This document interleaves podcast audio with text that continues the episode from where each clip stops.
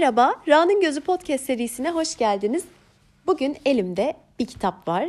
Adı Belki de Biriyle Konuşmalısın. Kitabın yazarı Lori Gottlieb.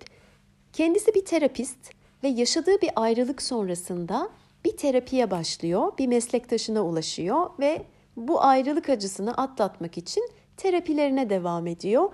Bu kitapta hem kendi terapi sürecini hem de kendisine gelen bazı danışanlarının hikayelerini paylaşıyor. Ben de her zaman olduğu gibi bu kitaptan altını çizdiğim bazı cümleleri paylaşmak ve üzerine sesli düşünerek bu bölümü kaydetmek istiyorum ve başlıyorum. Çünkü herkesin sorunları vardır. Büyük, küçük, eski, yeni, sessiz, gürültülü, her türlü. Bu ortak sorunlar sonuçta o kadar da aykırı olmadığımızın kanıtıdır. İşte bunu keşfedince sorunlarımızla farklı bir ilişki kurabiliriz. Artık münasebetsiz bir iç sesten kurtulmaya çalışmadığımız ya da haddinden fazla şarap içmek, yemek yemek, saatlerce internette surf yapmak gibi oyalanmalarla duygularımızı uyuşturmaya çalışmadığımız bir ilişki. Terapideki en önemli adımlardan biri insanların içinde bulundukları mevcut açmazların sorumluluğunu almalarına yardım etmektir. Çünkü kendi hayatlarını inşa edebileceklerinin ve buna mecbur olduklarının farkına vardıklarında değişimi sağlamak için özgür kalırlar. Evet zaten bu böyle kitabın içeride anlattığı bazı hikayelerin ortak çatısı, ortak özeti gibi bir şey. Yer yer terapinin ne yaptığı ve ne yapmadığı ile ilgili de çok güzel bilgiler var bu kitapta. Bu yüzden de bunu hem Instagram hesabımdan özellikle paylaşmak istedim hem de podcast'te bir bölümde buna yer vermek istedim. Çünkü ara ara terapiyle ilgili bazı sorular alıyorum çevremde ya da çalıştığım insanlar arasında da çok fazla terapiye yönlendirdiğim, ne olduğunu açıkladığım, ne olmadığını açıkladığım kişiler var. Bu açıdan eğer kafasında nasıl bir şey, gitsem nasıl olurdu gibi sorular varsa o kişilerin özellikle çok işine yarayacağını düşündüğüm bir kitap bu. Ünlü bir söz vardır. Robert Frost'un bir şiirinin yorumu. Tek çıkış yolu içinden geçmektir.'' Tünelin ucuna gitmenin tek yolu etrafından değil, içinden geçmektir demiş. Zaten az önce söylediğim bu terapi de bize bunu sağlıyor. Başa çıkamadığımız, kaçmaya çalıştığımız, etrafından dolanıp o yokmuş gibi davranmaya çalıştığımız bir şey varsa onun içinden terapistin eş, e, yoldaşlığıyla, yardımıyla, onun uzmanlığı aracılığıyla geçme şansımız olabiliyor. Her şeyden önce Budistlerin bilgece olmayan şefkat adını verdikleri tuzağa düşmek istemiyordum. John'un dünya görüşü göz önüne alındığında bu yerinde bir ifadeydi.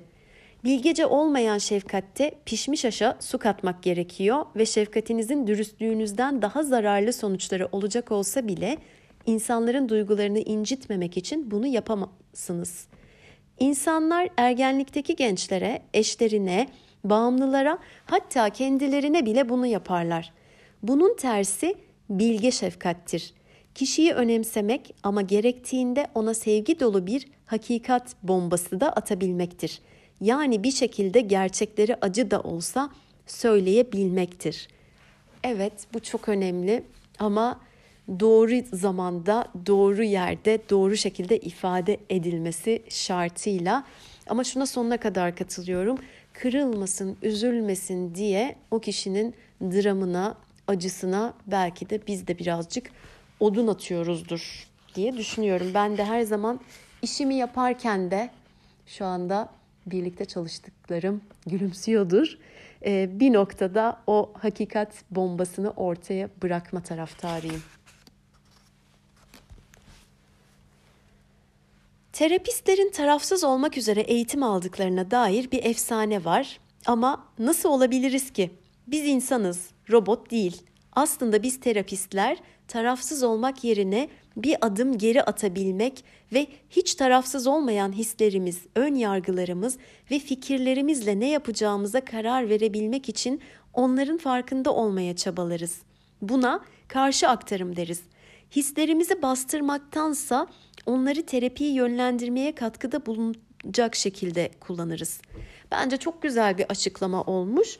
Ee, dediği gibi robot olmadıkları için, insan oldukları için tabii ki yargıları var, ön yargıları var, hisleri var, dünyalarında dönen şeyler var ve aslında bunun terapinin iyi bir şekilde ilerlemesine engel olmaması, tam tersine mümkünse de katkı bulunması çok güzel bir yol.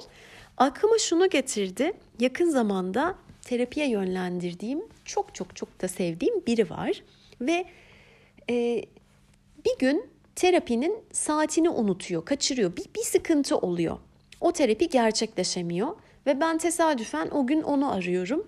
Bundan bahsediyor bana ve sonrasında ne yapacaksın diyorum. Planın ne? Ya ben çok utanıyorum diyor. Allah bilir benim için ne düşünmüştür. Şunu demiştir, bunu demiştir, sorumsuz demiştir. Bu zaten terapiye gelse ne olur da şu da bu da falan filan. Ben de durup muhtemelen benden şunu bekliyordu. Yani niye böyle desin bir terapist böyle şeyler düşünmez falan gibi şeyler söylüyordu. Ben de şey dedim onun yerinde olsam bunları düşünebilirdim ama bu düşüncelerim ya da onun bu düşünceleri seni ilgilendirmez. Senin şu anda yapman gereken şey telefonu eline alıp bunun için eğer hala hani için rahat değilse bir kere daha özür dileyip ondan sonra da sonraki seansı organize etmek. Böyle söyleyince karşı taraf birazcık durdu. Doğru söylüyorsun dedi ve eline telefonu alıp o organizasyonu yaptı. Yani buradaki olay o terapistin onun hakkında bunları düşünmesi ya da düşünmemesi değil. Düşünse ne olur, düşünmese ne olur yani. O kısım bizi ilgilendirmez. Onu yansıtmamak ve terapinin hayrına bir şeye çevirmek de görevi olsun. Evet, e, yazarın gittiği terapistin adı Wendell. E, bu arada tabii ki bütün isimler takma isimler. Hiç kimsenin gerçek ismi kullanılmıyor. Kitapta da Wendell ismini vermiş gittiği terapiste. Ve şöyle bir bölüm var. Çok sevdim ve okurken de yani Wendell kalp kalp kalp deyip bir de üstüne çizdim ve yazdım kitabı, kitabın o bölümünün. Bir sabah erkek arkadaşım hakkında sızlanırken Wendell kanepesinin ucuna kayıp ayağa kalkıyor. Bana doğru yürüyor ve gerçekten çok uzun olan bacağıyla hafifçe ayağımı tekmeliyor. Gülümseyerek kanepesine geri dönüyor. Canım acımadığı halde refleks olarak ah diyorum. İrkiliyorum. Bu da neydi? Şey, ıstırap çekmekten zevk alıyormuşsun gibi görünüyorsun. O yüzden ben de bu konuda sana yardımcı olayım dedim, diyor. Bu da ne diye tepki veriyor ve Bendel cevap olarak acı ile ıstırap arasında fark var diyerek bir açıklama yapıyor. Acıyı hissetmek zorundasın. Herkes zaman zaman acı hisseder. Ama bu kadar ıstırap çekmek zorunda değilsin. Sen acıyı değil ıstırabı seçiyorsun diyor. Ve hem bence okuyanlarda hem de bunu yaşayan kişi de yani yazar da çok da önemli bir aydınlanma yaşatıyor. Burada şunu da görüyoruz. Kendisi de kitap boyunca o tarzlardan bahsediyor. Wendell kendi olmayı başarabilen, otantik olmayı başarabilen bir terapist. Normal şartlarda bu davranışı yani böyle çok standart olarak belki de birçok ıı, kişi tarafından saçma, ıı, kabul edilmeyen, sınırları aşan bir şey olarak bulunabilir ama bu adam yapınca bir sıkıntı olmuyor çünkü kendi gibi davranıyor. Bir seanslarında da seansın ortasında bağırarak şarkı mı söylüyordu bir şey yapıyordu ve çok iyi geliyordu ikisine de. Buna benzer bir şey. Bu şey demek değil yani böyle bir şey olduğu zaman sen de kalk bir tekme at ya da sen de e, seansın ortasında dur ve şarkı söyle demek değil ama o adamın yaşamı, yaşayış tarzı bu. Kendisi olma hali bu. Bunu da terapistliğine yansıtıyor. Zaten hep böyle bir e, bakış vardır ya benim de çok sevdiğim. Sen kimsen, nasıl biriysen mesleğin neyse öyle bir işte doktor olursun, avukat olursun, koç olursun, öğretmen olursun. Bu da Wendell'ın böyle çok sevdiğim bir tarafı. Bir bölümde şöyle bir söz var. Wendell'ın yine kendisine söylediği. Kendisini çok yargıladığı, böyle çok cezalandırıcı bir bakışla kendisine yüklendiği bir zamanda Wendell diyor ki şu anda kendin hakkında konuşacağın en doğru insan sen değilsin. Yani ben bunun altını çizdim ve çok çok önemli olduğunu düşünüyorum. Çünkü evet kendimizle birlikteyiz. Kendinle konuşmak iyidir. Kendinle bazı şeyleri işte dertleşmek, yüzleşmek, ortaya çıkarmak, fark etmek iyidir ama böyle bir zaman geçiriyorsan, böyle bir durumdaysan, kendine çok yükleniyorsan, kendine karşı gerçekten artık deyim yerindeyse düşmanca tavırlar sergilemeye başlamışsan bil ki kendin için doğru kişi sen değilsin. O zaman doğru olan birileriyle belki bu konular konuşulabilir. Şimdi bir de bir bölümde şeyden bahsetmiş.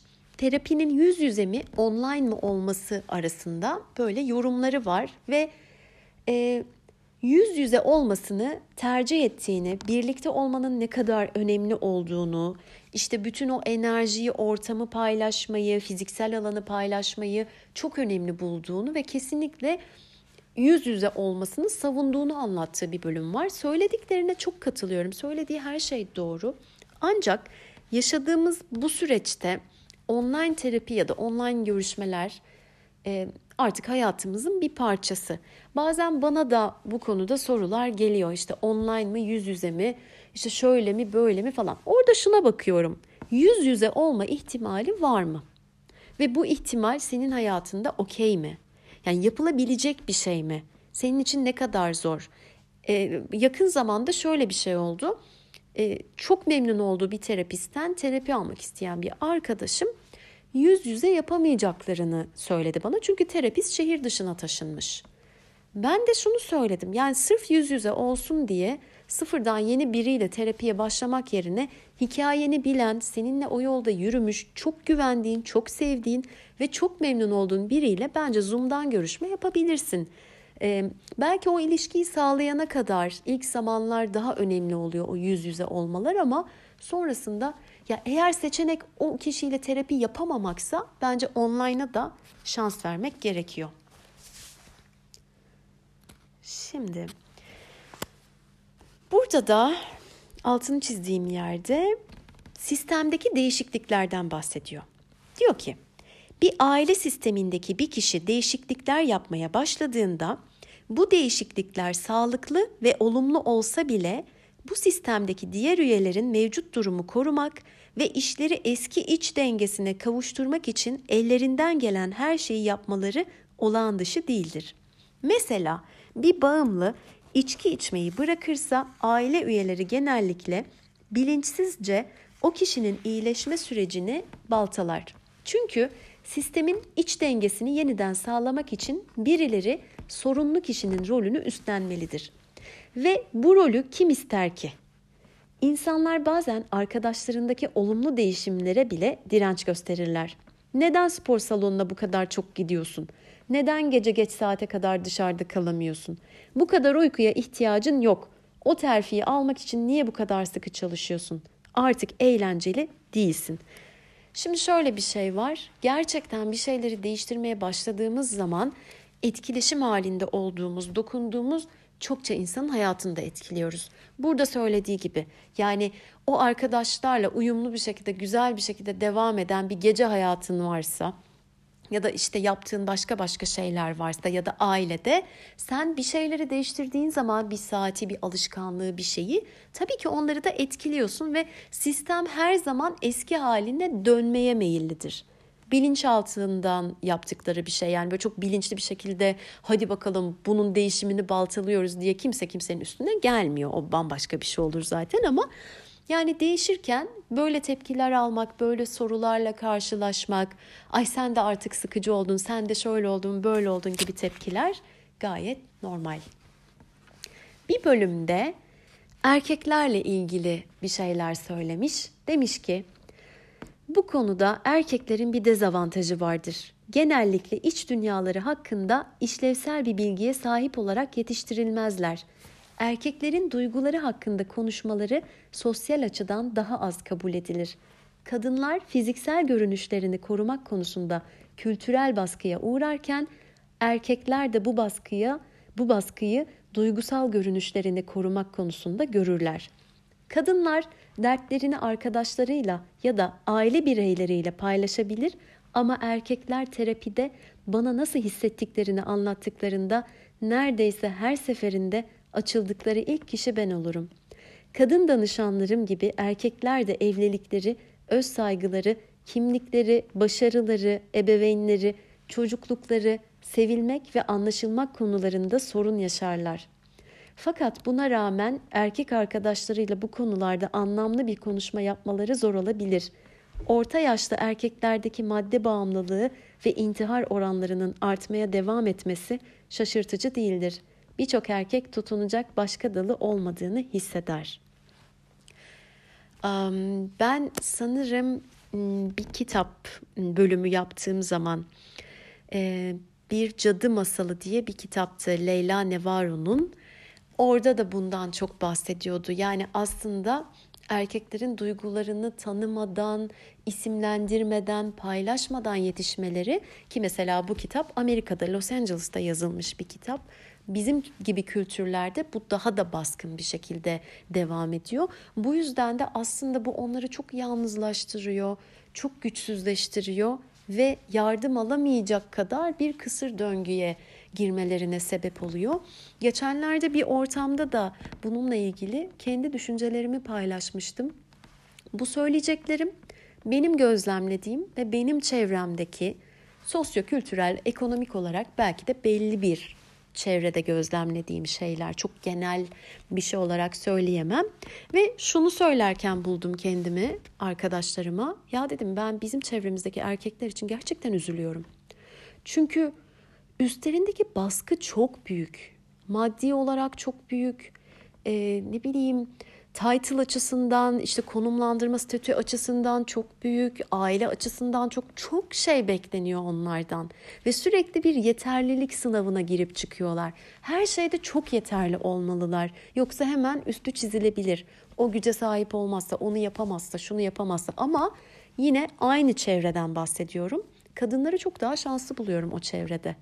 Çünkü e, yani kendi aramızda bile bir kadın arkadaşımız ya ben işi gücü her şeyi bıraktım birazcık şöyle takılacağım bunu yapacağım dediği zaman çoğunluk çok rahat bir şekilde evet ya yap bence de yap hak, hak ettin sen bunu falan gibi destek verirken bir erkek bunu söylediğinde ya da ben ne bileyim biraz şunu yapacağım, biraz bırakacağım, biraz çocuğumla zaman geçirmek istiyorum falan dediği zaman herkes şöyle bir dönüp bakar bence. Yani düşündüğümüz kadar e, eşit değiliz ki her ne kadar tam tersi düşünülse de şu an bu konuyu çok uzatmayacağım. Çok tartışmaya açık bir yere gidebilir. O yüzden altını tekrar çizeceğim. Kendi çevremde, kendi dokunduğum, gördüğüm, gözlemlediğim çevrede böyle bir şey söz konusu. Erkeklerin üstünde inanılmaz bir baskı var. Bir de bunu ifade edemiyorlar.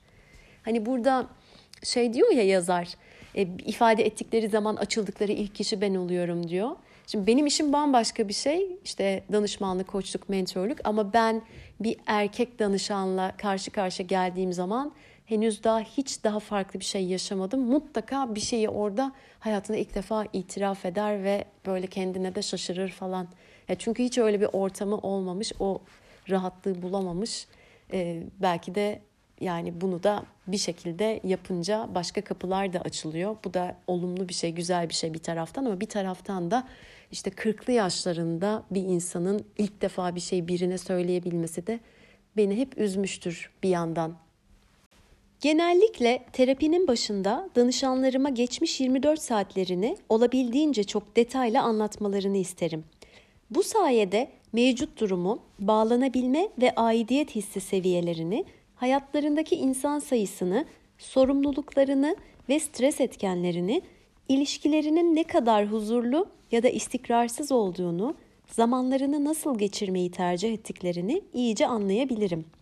Aslında çoğumuz günümüzü saat saat bölüp onu sesli bir şekilde anlatmadan zamanımızı nasıl geçirdiğimizin ya da bütün gün gerçekten ne yaptığımızın farkına varmayız. Bu benim de çok çok önem verdiğim bir şey. Bir insanın 24 saati bence onun bütün hayat hikayesinin böyle küçük minyatür bir versiyonu oluyor. Kendim için de dönüp baktığım zaman belki de bu yüzden sayfa sayfa defterler, günlükler yazmak, ajandayı doldurmak, kayıt altına almak, ne yapıyorum, ne ediyorum, nerede ne hissediyorum, neyi yapmayı çok seviyorum falan gibi şeylere bakmak, görmek bu yüzden kıymetli. Çok da faydasını görüyorum açıkçası. O günle ilgili bazen ruh halimi bile ajandaya bakıp anlayabiliyorum. Şimdi Charlotte diye bir danışanın hikayesi var. Uzun uzun anlatmayacağım ama Charlotte'ın kendisi için uygunsuz adamları seçtiği bir hikayesi var ve e, terapiye geldiği zaman da yine onlardan birini paylaşıyor. Ve ulaşılmaz yani aslında birlikte olması çok da imkan e, tanınmayan bir insana olan ilgisinden bahsediyor ve şöyle demiş terapist elbette diye düşündüm. Ulaşılmaz tam da Charlotte'ın tipi. Aslında Charlotte da ahbaptan her bahsedişinde aynı ifadeyi kullanıyordu. Tam benim tipim. Aralarında adama ahbap diyorlar İnsanların çoğu tip derken bir tür çekiciliği kasteder. Onları heyecanlandıran fiziksel bir görünüş tipi ya da kişilik tipini. Ama bir kişinin tipini oluşturan şey aslında bir tür aşinalık hissidir. Sinirli ebeveynleri olan kişilerin genellikle sinirli partnerler seçmeleri, alkolik ebeveynleri olanların sıklıkla çok içen partnerlere ilgi duymaları çekingen ya da eleştirel ebeveynleri olanların çekingen ya da eleştirel eşlerle evlenmeleri tesadüf değildir. İnsanlar bunu kendilerine neden yaparlar? Çünkü o evde olma hissine çekilmeleri onların yetişkin olduklarında istedikleri şeyle çocukken deneyimledikleri şeyi ayırt etmeyi güçleştirir. Onları bir yönden incinmiş olan bir ebeveynin özelliklerini taşıyan insanlara karşı esrarengiz bir çekim hissederler. Bu özellikler bir ilişkinin başlangıcında neredeyse fark edilmez olur. Ama bilinç dışının bilinçli zihnin ulaşamadığı incelikle ayarlanmış bir radar sistemi vardır. Sebebi insanların yeniden incinmek istemeleri değildir. Çocukken çaresiz kaldıkları bir durumun üstesinden gelmek istemeleridir. Freud buna yineleme zorlantısı demiştir bilinç dışı şöyle hayal eder. Belki bu defa tanıdık gelen ama yeni birisiyle ilişki kurarak geni, geriye dönüp o eski yaramı iyileştirebilirim. Tek sorun insanlar tanıdık partnerler seçerek tam aksi sonucu garanti ederler. Yaraları yeniden açarlar ve daha da fazla yetersiz olduklarını ve sevilmediklerini hissederler. Bu tamamen farkındalık dışında gelişir. Mesela Charlotte yakın ilişki kurabileceği güvenilir bir erkek arkadaş istediğini ama kendi tipinde biriyle her tanışmasında sonucun kaos ve hayal kırıklığı olduğunu söylemişti. Diğer taraftan bir partnerde aradığını söylediği özelliklerin birçoğunu taşıyormuş gibi görünen bir adamla olan randevusundan sonra terapiye geldi ve şöyle dedi. Çok kötüydü. Ne yazık ki aramızda hiç elektrik yoktu. Adamın duygusal dengesi Charlotte'ın bilinç dışına fazla yabancı gelmişti. Terapist Terry Real, klişeleşmiş davranışlarımızı şöyle betimlemiştir. İçselleştirilmiş ilk ailelerimiz, ilişkisel tema repertuarlarımız. İnsanların size hikayelerini kelimelerle anlatmalarına gerek yoktur. Çünkü onu daima yansıtacak şekilde davranırlar. Genellikle olumsuz beklentilerini terapiste yansıtırlar ama eğer terapist bu olumsuz beklentileri karşılamazsa güvenilir ve cömert bir insanla yaşadıkları bu düzeltici duygusal deneyim danışanları değiştirir. Bildikleri dünyanın ilk aileleri olmadığı ortaya çıkar. Eğer Charlotte ebeveynleri hakkında hissettiği karmaşık duygularını benimle çözerse şefkatli, güvenilir ve olgun bir partnerle yaşamayı istediği alışılmadık deneyimi veren farklı bir tipten gittikçe etkilenmeye başladığını fark edecekti. O zamana dek onu sevebilecek, ulaşılabilir bir adamla her tanışmasında bilinçaltı o adamın istikrarını ilginç olmadığı gerekçesiyle reddedecekti. Sevilmeyi hala huzur ya da mutlulukta değil, kaygıyla eşleştiriyordu. Çok aydınlatıcı ve bilgi dolu bir bölüm. Buradaki en güzel şey evet geçmişte bazı döngüler var, tamamlanmayan döngüler varsa yetişkin halimizle bilinçaltımızdaki o radarla bunları çekip o döngüleri dönüyor olabiliriz. Ama şöyle bir güzel tarafı var. Fark ettikten sonra belki buradaki Charlotte gibi çok ileri seviye ise bu konuda yardım aldıktan sonra ömür boyu o döngüyü dönmek zorunda olmadığımızı bilmek bence çok umut verici müdahale edilebiliyormuş yani. Evet yine Charlotte'la ilgili bir bölüm. Charlotte daha önce hiç aklına gelmeyen bir olasılığı düşünüyormuş gibi dudaklarını sıkıyor. Bu adamlar onu sevilmek istediği şekilde sevsinler diye harcadığı o kadar çabaya rağmen onları değiştiremez. Çünkü değişmek istemiyorlar. Bu terapide alışıldık bir senaryodur. Bir danışanın erkek arkadaşı ot, ot içmeyi ve hafta sonu bilgisayar oyunu oynamayı bırakmak istemiyordur. Bir danışanın çocuğu müzikal eserler yaratma pahasına sınavlara daha sıkı çalışmak istemiyordur. Bir danışanın eşi daha az iş seyahatine çıkmak istemiyordur.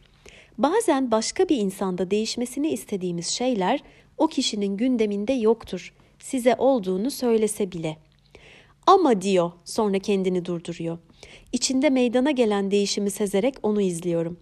Ben onları değiştirmeye çalışıp dur- duruyorum diyor. Neredeyse kendi kendine. Başımla onaylıyorum. O değişmeyecek. Dolayısıyla Charlotte değişmek zorunda. Her ilişki bir danstır. Ahbap kendi dans adımlarını atıyor. Yaklaş ve uzaklaş. Ve Charlotte kendininkileri atıyor. Yaklaş ve incin. Ve tam olarak işte böyle dans ediyorlar. Ama Charlotte adımlarını değiştirirse iki şeyden birisi olacak. Ahbap ya takılıp düşmemek için adımlarını değiştirmek zorunda kalacak ya da sadece dans pistinden çıkıp gidecek ve ayağının üstünde tepineceği başka birini bulacak. Bence win-win dediğimiz bir sonuç. Ve geldik affetmek konusuna. Affetmek, af dilemek gibi çetrefilli bir şeydir. Sizi daha iyi hissettirdiği için mi af diliyorsunuz yoksa karşınızdakini daha iyi hissettireceği için mi? Yaptığınız şey için üzgün müsünüz yoksa sadece yaparken kesinlikle haklı sebepleriniz olduğunu hissettiğiniz bir şey için üzgün olmanız gerektiğine inanan kişinin gönlünü almaya mı çalışıyorsunuz? Özür kimin için? Terapide kullandığımız bir terim var. Zorla bağışlama. Bazen insanlar bir travmayı atlatabilmek için zarara yol açan kişiye kendilerine cinsel istismarda bulunan ebeveyni, evlerini soyan hırsızı, oğullarını öldüren çete üyesini affetmeleri gerektiğini düşünür. İyi niyetli insanlarca onları affedene dek öfkelerini tutunacakları söylenir. Bazıları için bağışlamanın etkili bir çözüm olabileceği doğru. Size yanlış yapmış kişiyi eylemlerini hoş görmeden affederseniz bu hayatınıza devam etmenize yardımcı olur. Ama insanlar sıklıkla bağışlama baskısı hisseder ve bunu tam olarak yapamazlarsa sonunda kendilerinde bir problem olduğuna, yeterince aydın, güçlü ya da merhametli olmadıklarına inanırlar. Yani şunu söylüyorum. Bağışlamadan da merhametli olabilirsiniz. Hayatınıza devam etmenin birçok yolu vardır ve belirli bir şekilde hissediyormuş gibi yapmak onlardan biri değildir. Ya ben sonuna kadar katılıyorum. Şimdi bir ürün yerleştireceğim. Kaçıncı bölüm olduğunu hatırlamıyorum ama affetmek zorunda mıyım diye bir bölüm yapmıştım ve cevabı tahmin edersiniz ki kocaman bir hayır. Hayır hiç kimseyi affetmek zorunda değiliz. Ama bu affetme karşıtı olduğum için aman kimseyi de affetmeyelim gibi bir yandan durduğum için e, söylediğim bir şey değil. Bu konuda özellikle Alice Miller'ın yazdıklarını çok seviyorum, çok aydınlatıcı buluyorum. E, isteyenler Alice Miller'ın da Yetenekli Çocuğun Dramı bir de neydi Beden Asla Yalan Söylemez kitaplarına bakabilirler. Hadi yerleştirmişken onları da yerleştireyim. O ikisinin de podcast bölümleri var. Şimdi kendi terapisiyle ilgili bir şeyden bahsediyor. Sağlığa kaçış diye bir şey.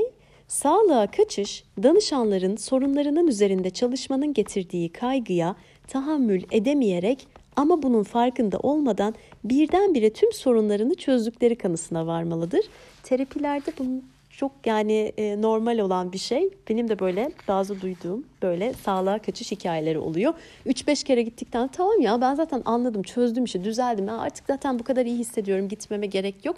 Aslında bunun tam bir dönüm noktası tam o noktada hayır gitmene gerek var. Bırak karşı taraf sana tamam yeter desin. Şimdi bir de şöyle bir şey var. Terapisinin artık son zamanlarına yaklaşırken artık iyice toparlamış, hayata dönmüş, kendinde bazı şeyleri fark etmiş, bazı şifalanmalar olmuş ve bir gün terapistine Wendell'a bakarak onu böyle ya ben bu adamdan mı hoşlanıyorum ya çekici mi buluyorum ne kadar hoş görünüyor falan gibi bir şeyler geçiriyor içinden ve sonra diyor ki fark ediyorum ki olay önceden Wendell'ı çekici bulmuyor olmam değil hiç kimseyi çekici bulmuyor olmammış. Yastaydım ve hayatımda birinden etkilenmeye başlamam ancak yavaş yavaş hayata karışmamla gerçekleşmişti. Ben bu bölümü çok sevdim. Bazen yeni bir danışan geldiğinde ona seni buraya getiren nedir diye değil, seni buraya şimdi getiren nedir diye sorarım. Şimdi kilit noktadır. Neden bu yıl, bu ay, bugün gelip benimle konuşmaya karar verdin? Benim neden şimdi sorusuna cevabım yaşadığım ayrılıkmış gibi görünüyordu ama altında takılıp kalmışlığım ve yasım vardı. E, bu da e, hiç şaşırtmayan bir şey. Terapiye gittiğin konu genelde terapinin devamında konuşulan konu olmuyor. O buzdağının görünen yüzü gibi bir şey. İnsanlar yine de hislerini bastırmaya çalışırlar. Sadece bir hafta önce bir danışan bana tek bir gece bile televizyonunu açmadan duramadığını, izlerken uyuyakalıp saatler sonra uyandığını söylemişti. Kanepemden bana sormuştu. Akşam üstlerim nereye gitti? Ama asıl soru hislerinin nereye gittiğiydi. Çünkü zaten e, genelde başka bölümlerde de konuştuğumuz gibi kaçtığımız şey yüzleşmekten kaçtığımız bazı duygular, hisler, işte üstünü kapatıla, kapatmaya çalıştığımız yaslar falan oluyor. Bazen insanlar istemedikleri halde bir şeylerden sorumlu tutulacaklarını hissettiklerinde terapiyi bırakır. Yine içmeye ya da aldatmaya başladılarsa, yaptıkları ya da yapmadıkları bir şey şimdi utanmalarına sebep oluyorsa, bunu terapistlerinden ve kendilerinden saklamayı tercih edebilirler. Unuttukları şey terapinin utancınızı getirebileceğiniz en güvenli yerlerden biri olduğudur. Ancak anlatmayarak, yalan söylemekle, utançlarıyla yüzleşmek arasında seçim yapmakla karşı karşıya kaldıklarında sorumluluktan tamamen kaçınabilirler. Bu da elbette hiçbir şeyi çözmez. Burada yapılacak tek bir şey var. O randevuyu iptal etmemek. Her şeye rağmen oraya kendin olarak gitmek ve gerçeği paylaşmak gerçek seni özgür kılar diye de çok ünlü birinin sözü var. Kim olduğunu bence herkes biliyor. Eğer terapiye devam edersen diyorum yumuşak bir ses tonuyla, daha iyi bir çocukluk umudundan vazgeçmek zorunda kalabilirsin. Ama sadece daha iyi bir yetişkin hayatı yaratabilmek için. Bu çok kıymetli. Yüzleşmek dedim önemli işte içinden geçmeden olmuyor dedik, etrafından dolanamıyoruz, o zaman bir şey elde edemiyoruz dedik ama yüzleşmesi kolay mı? Değil yani hani üstünü kapattığı, kendini unutturmaya çalıştığı çok ağır travmaları, çok kötü anıları olan biri olabilir mesela. Ama burada şöyle bir ödül var. Eğer çocukluğunun, ergenliğinin, gençliğinin, ailenin o taraflarıyla yüzleşebilirsen o konuda acını çekip destek alarak yasını yaşayıp üstesinden gelebilirsen seni çok daha iyi bir yetişkin hayatı bekliyor olabilir. Bence bunun için de değer yani. Acının hiyerarşisi olmaz. Acı derecelendirilmemelidir. Çünkü acı çekmek bir yarışma değildir. Wendell sorunlarımı küçümseyerek kendimi ve sorunlarını acı hiyerarşisinde aşağılara yerleştirdiğim herkesi yargıladığımı söylemişti. Bana acımı küçümseyerek atlatamayacağımı hatırlatmıştı. Acınızı ancak onu kabul edip onunla ne yapacağınıza karar vererek atlatabilirsiniz. İnkar ettiğiniz ya da küçümsediğiniz bir şeyi değiştiremezsiniz ve tabii ki genellikle önemsizmiş gibi görünen endişeler daha derin endişelerin dışa vurumlarıdır. Burada üstünde durduğu şey e, kendisine gelen ölümcül bir hastalıkla boğuşan bir danışanı var ve o bu adım adım ölüme giderken ve artık doktorların şu kadar ömrün kaldığı gencecik bir kadınla bu sürece devam ederken kendisinin ayrılık acısını ya benimki de acı mı yani insanlar neler yaşıyor diyerek üstünü kapatıp küçümsediğini fark ediyor ve Wendell'ın söylediği ne kadar doğru. Yani acını ancak onu kabul edip onunla ne yapacağına karar vererek atlatabilirsin. Küçümseyerek, öteleyerek bu da neymiş deyip bir de kendini buna üzülüyorum diye de suçlu hissettirerek bir yere varamazsın. Ve geldik son nota. Bir danışanın terapistinin sesini zihninde taşıması ve onu karşılaştığı durumlara uygulayarak temelde terapi ihtiyacını ortadan kaldırması terapisini sonlandırmaya hazır olup olmadığını gösteren evrensel bir son sınavdır.